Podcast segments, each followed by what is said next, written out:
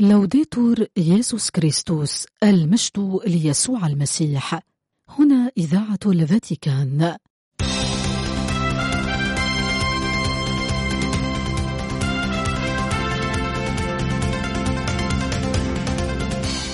مستمعين الأحباء تحية طيبة من القسم العربي في إذاعة الفاتيكان. ننقل إليكم برنامجنا العربي اليومي حول نشاطات البابا والكرسي الرسولي وأخبار الكنيسة حول العالم. يمكنكم الاستماع إلى برامجنا والاطلاع على آخر الأنباء عبر الإنترنت على الموقع vaticannews.va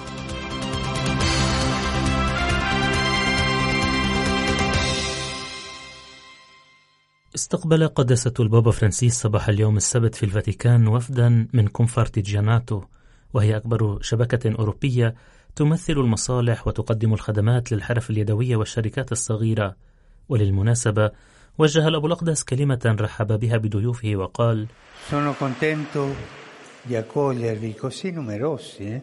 imprenditori e rappresentanti يسعدني أن أستقبلكم رجال الأعمال وممثلي الاتحاد الذين جئتم من جميع أنحاء إيطاليا. كما أحيي الرئيس وأحييكم جميعا أنتم الذين تشكلون جزءا من كونفارتيجياناتو ولدت جمعيتكم عام 1946 على رماد الحرب العالمية الثانية وساهمت في نهضة الاقتصاد الوطني وتطويره. خلال هذه العقود الأخيرة شهدت الحرفة تحولات ملحوظة حيث انتقلت من ورش صغيرة إلى شركات تنتج السلع والخدمات حتى على نطاق واسع. لقد أدى استخدام التكنولوجيات إلى زيادة إمكانيات هذا القطاع، ولكن من المهم ألا ينتهي بها الأمر باستبدال خيال الإنسان المخلوق على صورة الله ومثاله، فالآلات تكرر حتى بسرعة استثنائية في حين أن الأشخاص يخترعون. تابع البابا فرانسيس يقول إن نشاطاتكم تعزز البراعة والإبداع البشري وأود بشكل خاص أن أؤكد على مدى ارتباط عملكم بثلاثة أعضاء من الجسم اليدين والعينين والقدمين. أولا اليدان. إن العمل اليدوي يجعل الحرفي يشارك في عمل الله الخالق فالصنع لا يعادل الإنتاج فهو يتطلب القدرة الإبداعية التي تعرف كيف تجمع بين مهارة اليدين وشغف القلب وأفكار العقل. إن أيديكم تعرف كيف تصنع أشياء كثيرة تجعلكم معاونين لله مثل الطين في يد الخزاف مثلكم في يدي يقول الرب. باركوا واشكروا الرب على عطية اليدين وعلى العمل الذي يسمح لكم بالتعبير. نحن نعلم أنه ليس الجميع محظوظين إلى هذا الحد. هناك من هم عاطلون عن العمل وهناك من يبحثون عن عمل. وجميعها أوضاع بشرية تحتاج إلى علاج. قد يحدث في بعض الأحيان أيضا أن تبحث شركاتكم عن موظفين مؤهلين ولا تستطيع العثور عليهم. لا تضبطن عزيمتكم في تقديم الوظائف ولا تخافوا من أن تدمجوا الفئات الأكثر هشاشة أي الشباب والنساء والمهاجرين. Per il contributo che date per abbattere i muri dell'esclusione verso chi ha gravi disabilità o è invalido magari proprio a causa أشكركم على مساهمتكم في كسر جدران الإقصاء تجاه الذين يعانون من إعاقات خطيرة أو قد أصيبوا بإعاقة ربما بسبب حادث في العمل وتجاه الذين يتم إبقائهم على الهامش ويتم استغلالهم. يجب أن يتم الاعتراف بكل شخص بكرامته كعامل وكعاملة. ولا نجذبن أبدا أجنحة أحلام الذين يعتزمون تحسين العالم من خلال العمل واستخدام أيديهم للتعبير عن أنفسهم. أضاف الأبو الأقدس يقول ثانيا العينان إن الحرفي يملك نظرة مميزة على الواقع لديه القدرة على أن يرى في المادة الخاملة تحفة فنية حتى قبل أن يحققها. ما هو بالنسبة للجميع قطعة من الرخام؟ هو بالنسبة للحرفي قطعة من الأثاث. ما هو بالنسبة للجميع قطعة من الخشب؟ هو بالنسبة للحرفي كمان أو كرسي أو إطار. الحرفي هو أول من يفهم مصير الجمال الذي يمكن أن تمتلكه المادة وهذا الأمر يقربه من الخالق. يوصف يسوع في إنجيل مرقس بأنه النجار. لقد كان ابن الله حرفيا تعلم الحرفة من القديس يوسف في ورشة الناصرة وعاش عدة سنوات بين المناجر والأزاميل وأدوات النجارة. لقد تعلم قيمة الأشياء والعمل. لقد نشرت النزعة الاستهلاكية ذهنية القابل للتصرف. لكن الخليقة ليست مجموعة الأشياء بل هي عطية. سر فرح نتأمله بفرح وتسبيح. وأنتم أيها الحرفيون تساعدوننا لكي تكون لنا نظرة مختلفة على الواقع ولكي ندرك قيمة وجمال المادة التي وضعها الله بين أيدينا. تابع الحبر الأعظم يقول أخيرا القدمان تسافر المنتجات الناتجة عن نشاطاتكم إلى جميع أنحاء العالم وتجمله وتجيب على احتياجات الناس. إن الحرفية هي درب للعمل وتنمية الخيال وتحسين البيئات وظروف المعيشة والعلاقات. ولهذا السبب يطيب لي أيضا أن أفكر فيكم كصانعي أخوة. يذكرنا مثل السامري الصالح بحرفية العلاقات والمشاركة معا. اقترب السامري وانحنى وأنهض الرجل الجريح ووضعه على قدميه ومسحه بالكرامة من خلال تصرفات العناية. وهكذا يظهر لنا المثل ما هي المبادرات التي يمكن من خلالها إعادة بناء جماعة انطلاقا من رجال ونساء يتبنون ضعف الآخرين ولا يسمحون ببناء مجتمع إقصاء بل يقتربون من الشخص الذي سقط ويرفعونه ويعيدون تأهيله لكي يكون الخير عاما. تسمح لنا أقدامنا بأن نلتقي بالعديد من الأشخاص الذين سقطوا على طول الطريق. من خلال العمل يمكننا أن نسمح لهم بأن يسيروا معنا ويمكننا أن نصبح رفاق سفر وسط ثقافة اللامبالاة Ogni volta che facciamo un passo per avvicinarci al fratello, diventiamo artigiani di una nuova umanità.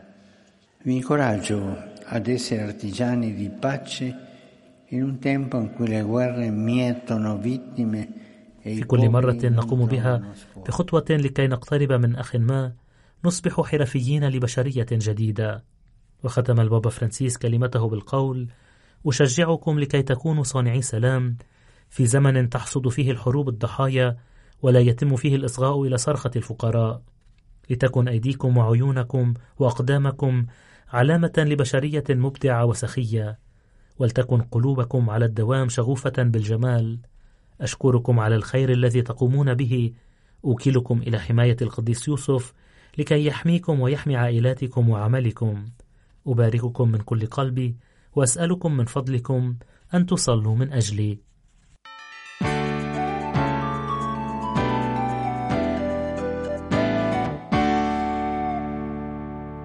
استقبل البابا فرانسيس صباح اليوم مسؤولي وعناصر إدارة الرقابة على الأمن العام في الفاتيكان. وبدأ الأب الأقدس حديثه مرحبا بالجميع في هذا اللقاء التقليدي في بداية كل عام ووجه التحية إلى ضيوفه وعائلاتهم وإلى المرشدين الذين يتابعونهم في مسيرة حياتهم المسيحية.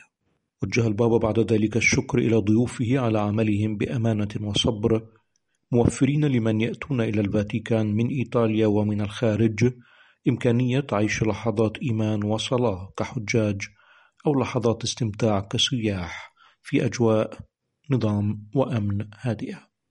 ووصف البابا هذا بعمل حساس جدير بالتثمين خاصة وأنه عمل يتم القيام به يوميا ليلا ونهارا وطوال العام.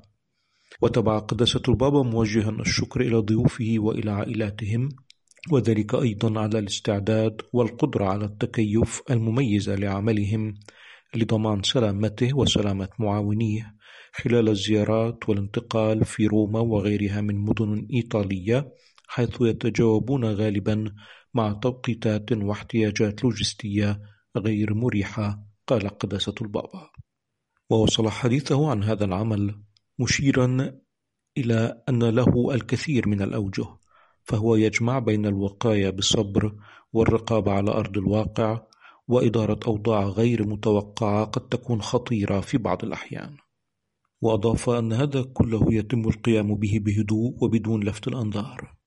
وأكد قداسته لضيوفه أن عملهم هذا يتطلب الشجاعة واللباقة والأعصاب القوية وفهم احتياجات وأوضاع صعبة لمن يطلب منهم المساعدة أو من يجعل تدخلهم أمرا ضروريا من خلال تصرفات مختلفة. ثم أراد البابا فرانسيس التذكير بما قال البابا القديس يوحنا الثالث والعشرون حول عمل عناصر الأمن حيث وصفه بمهمة شاقة تستدعي صفات أخلاقية هامة وفي المقام الأول التفاني وتكريس الذات من أجل الخير العام. وتبع الأب الأقدس أن هذا ما دفع البابا القديس إلى وصف عناصر الأمن بخدام صالحين للجماعة البشرية وصناع سلام في المجتمع. وأضاف البابا فرانسيس أن هذه كلمات غنية بالمعاني تعبر بشكل جيد عما ينتظر من عناصر الأمن من جهة وعن المثل التي يستلهمون منها من جهة أخرى. وشدد قداسته على أن الخير العام والسلام في المجتمع لا يتحققان ولا يزدهران بصورة تلقائية دائما. وتحدث بالتالي عن أن طبيعة الإنسان المحدودة والتي تجرحها الخطيئة تتطلب بنورها وظلالها ضرورة أن يكون هناك من لا يظل مجرد مشاهد أمام الشر بل يتحمل مسؤولية التدخل من أجل حماية الضحايا وإعادة المخالفين إلى النظام مع الاهتمام دائما بخير الجميع.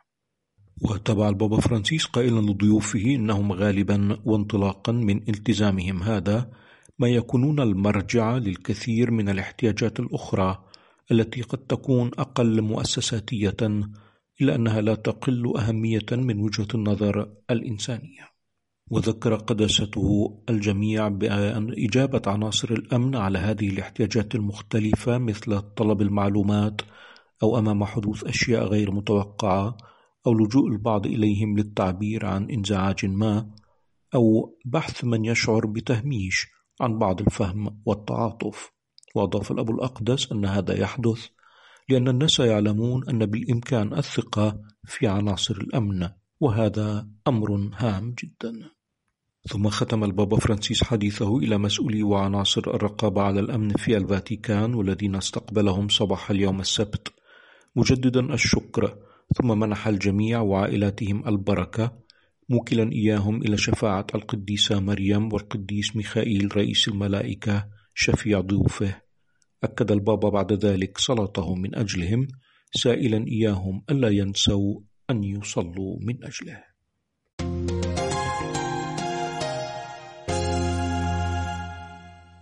على هامش مشاركته في لقاء نظم في روما لمناسبة الذكرى السنوية الأربعين للتوقيع على الاتفاق بين الكرسي الرسولي وجمهورية إيطاليا ولتقديم إعلان النوايا.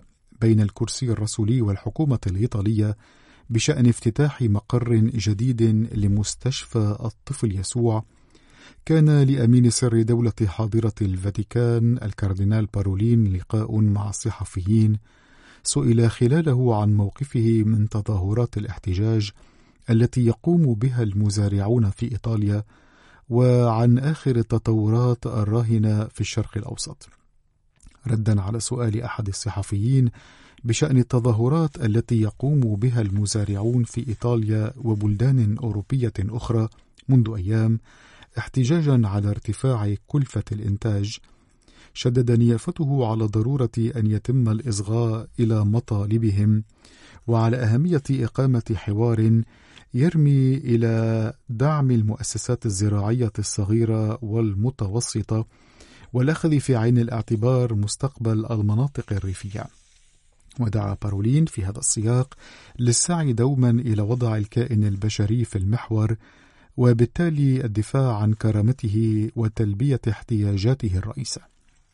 نظم اللقاء في مقر السفارة الإيطالية لدى الكرسي الرسولي لمناسبة الذكرى السنوية الأربعين للتوقيع على الاتفاق بين الجانبين وذلك في العام 1984 من قبل رئيس الحكومة الإيطالية آنذاك بيتينو كراكسي وأمين السر دولة حاضرة الفاتيكان الكاردينال أغوستينو كازارولي.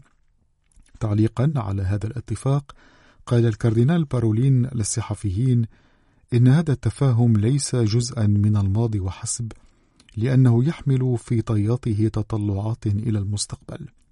وفي هذا السياق لفت إلى أهمية النظر اليوم في النقاط التي يمكن أن تطور انطلاقا مما تم الاتفاق عليه لأربعين سنة خلت. في معرض إجابته على سؤال بشأن الأوضاع الراهنة في الشرق الأوسط وبالتحديد فيما يتعلق بالصراع الدائر بين إسرائيل وحماس منذ أكثر من أربعة أشهر إذ يبدو أن التوصل إلى اتفاق لوقف إطلاق النار والإفراج عن الرهائن يزداد صعوبة يوما بعد يوم. أشار أمين سر دولة حاضرة الفاتيكان إلى وجود مفاوضات تجري حاليا وتحدث عن وجود بوادر أمل لكنها لم تترجم لغاية اليوم على أرض الواقع. وقال بارولين نأمل أن يتم التوصل شيئا فشيئا إلى اتفاق وإلى حل يقود إلى الإفراج عن الرهائن ووقف إطلاق النار قبل أن تطلق مباحثات تفضي عن حل نهائي لهذه المشكلة.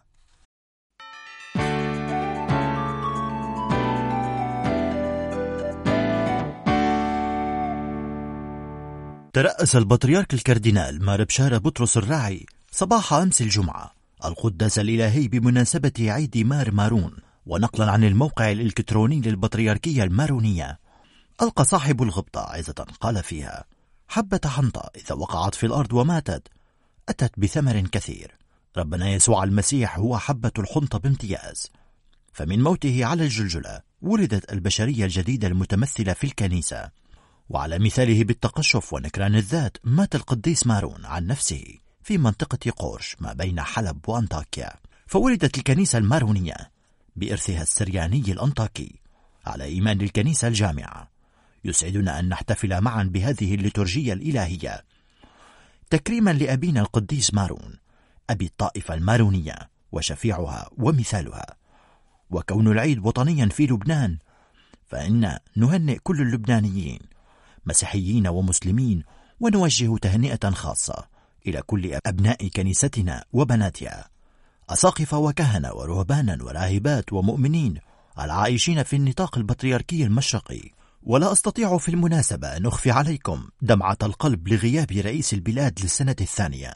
والذي كان يتقدم المشاركين في قداس العيد. ولسنا ندري لماذا لا يدعى المجلس اللبناني للانعقاد والقيام بأول واجب عليه أساسي. وهو أن ينتخب رئيسا للجمهورية لكي تنتظم جميع المؤسسات الدستورية. وأولها مجلس النواب ومجلس الوزراء والقضاء ومسيرة العدالة. ولكي تبدأ مسيرة الإصلاحات والنهوض بالاقتصاد وضبط الفساد. بتنا في هذه الحالة نشك بالنوايا. ونرى في تعطيل انتخاب الرئيس خلفيات مشبوهة غير مقبولة ومدانة. تابع بطريرك الراعي يقول ولد القديس مارون نحو سنة 350 وتوفي نحو سنة 410 كتب سيرته المطران تيودوريتس أسقف أبرشية قورش في كتابه أصفياء الله. لم يكن يعرفه شخصيا بل عرفه من خلال تلاميذه الذين نهجوا نهجه بالعيش في العراء والزهد والصلاة والتجرد. أطل تلاميذ القديس مارون الذين سموا موارنا.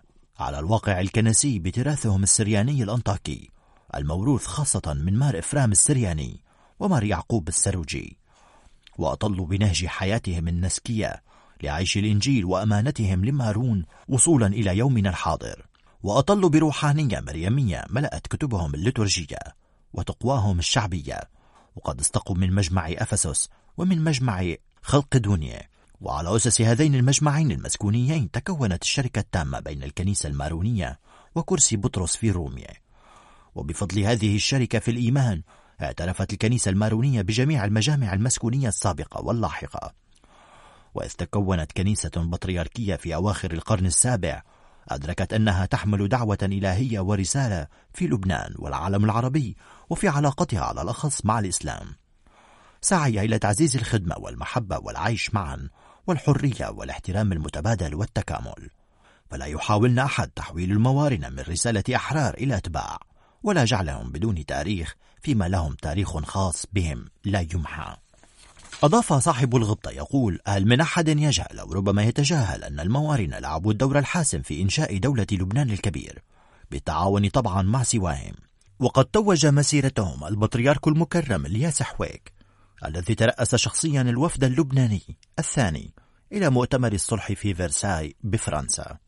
والمؤتمر الثالث بانتداب نائبه المطران عبد الله الخوري فكان إعلان دولة لبنان الكبير في أول أيلول عام 1920 متميزا عن سائر دول المنطقة بالخصائص التالية. أولا لبنان يفصل الدين عن الدولة فيما البلدان المجاورة دينية إسلامية وإسرائيل دولة يهودية. الانتماء إلى لبنان عبر المواطنة لا عبر الدين. لبنان يعتمد التعددية الثقافية والدينية.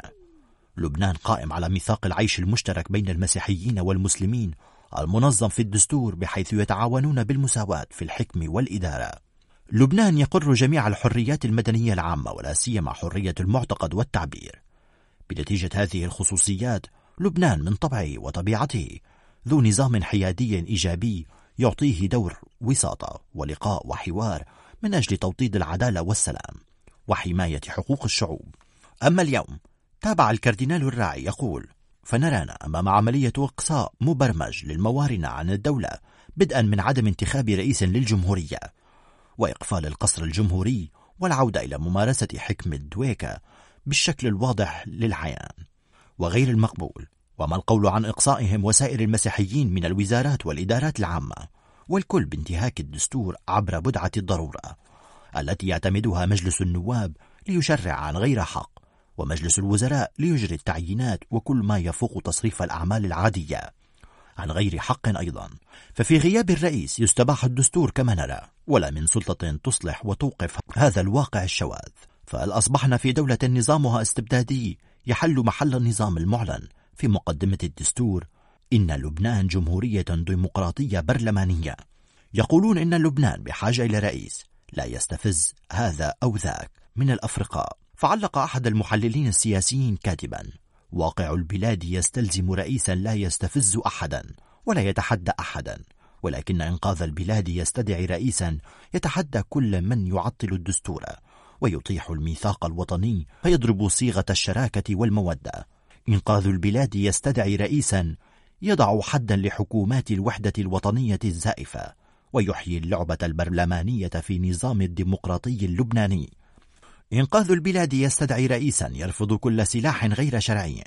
وإنقاذ البلاد يستدعي رئيسا يتحدى كل من يتطاول على السيادة والاستقلال لئلا يمسي لبنان دولة التبعية والاحتلال. إنقاذ البلاد يستدعي رئيسا يتحدى جميع الشواذات المنتشرة في الدولة اللبنانية ومؤسساتها ومجتمعها الإنساني. إذ لم يستفز رئيس الجمهورية الجديد جميع هذه الفئات الخارجة على الشرعية. ويتحد جميع هذه التجاوزات القاتلة فسيتحداه الجميع ويستفزونه.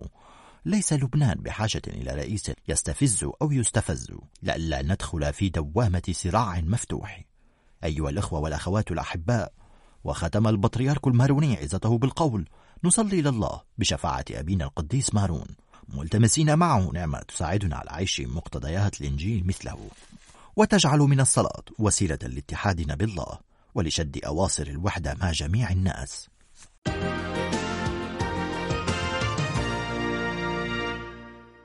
إزاء استمرار التوترات في البحر الأحمر أجرى موقع فاتيكان نيوز الإلكتروني مقابلة مع المتحدثة بلسان منظمة مواطنة للدفاع عن حقوق الإنسان السيدة رانيا عون التي شددت على ضرورة العمل من أجل وقف أعمال العنف.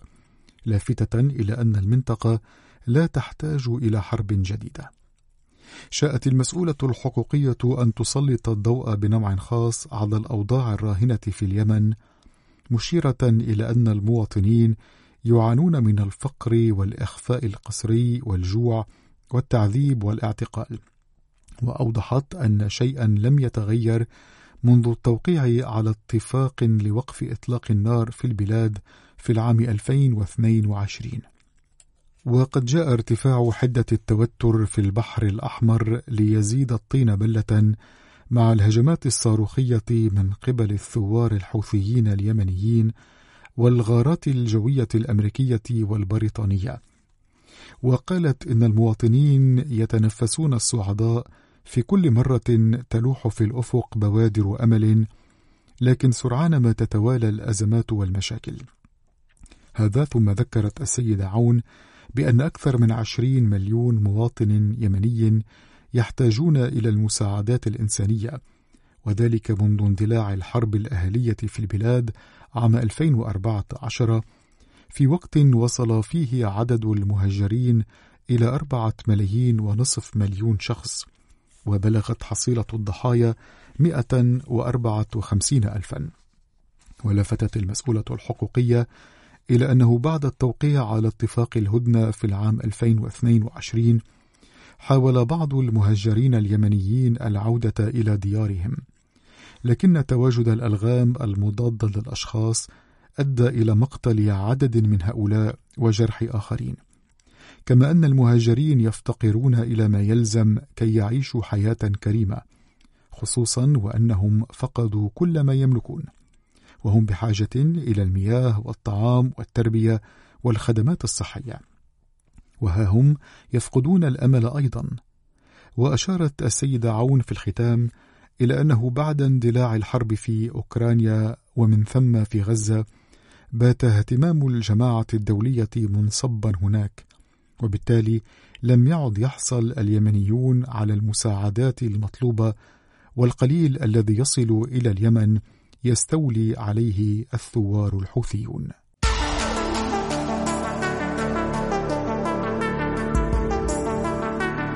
بهذا نأتي إلى ختام نشرتنا الإخبارية.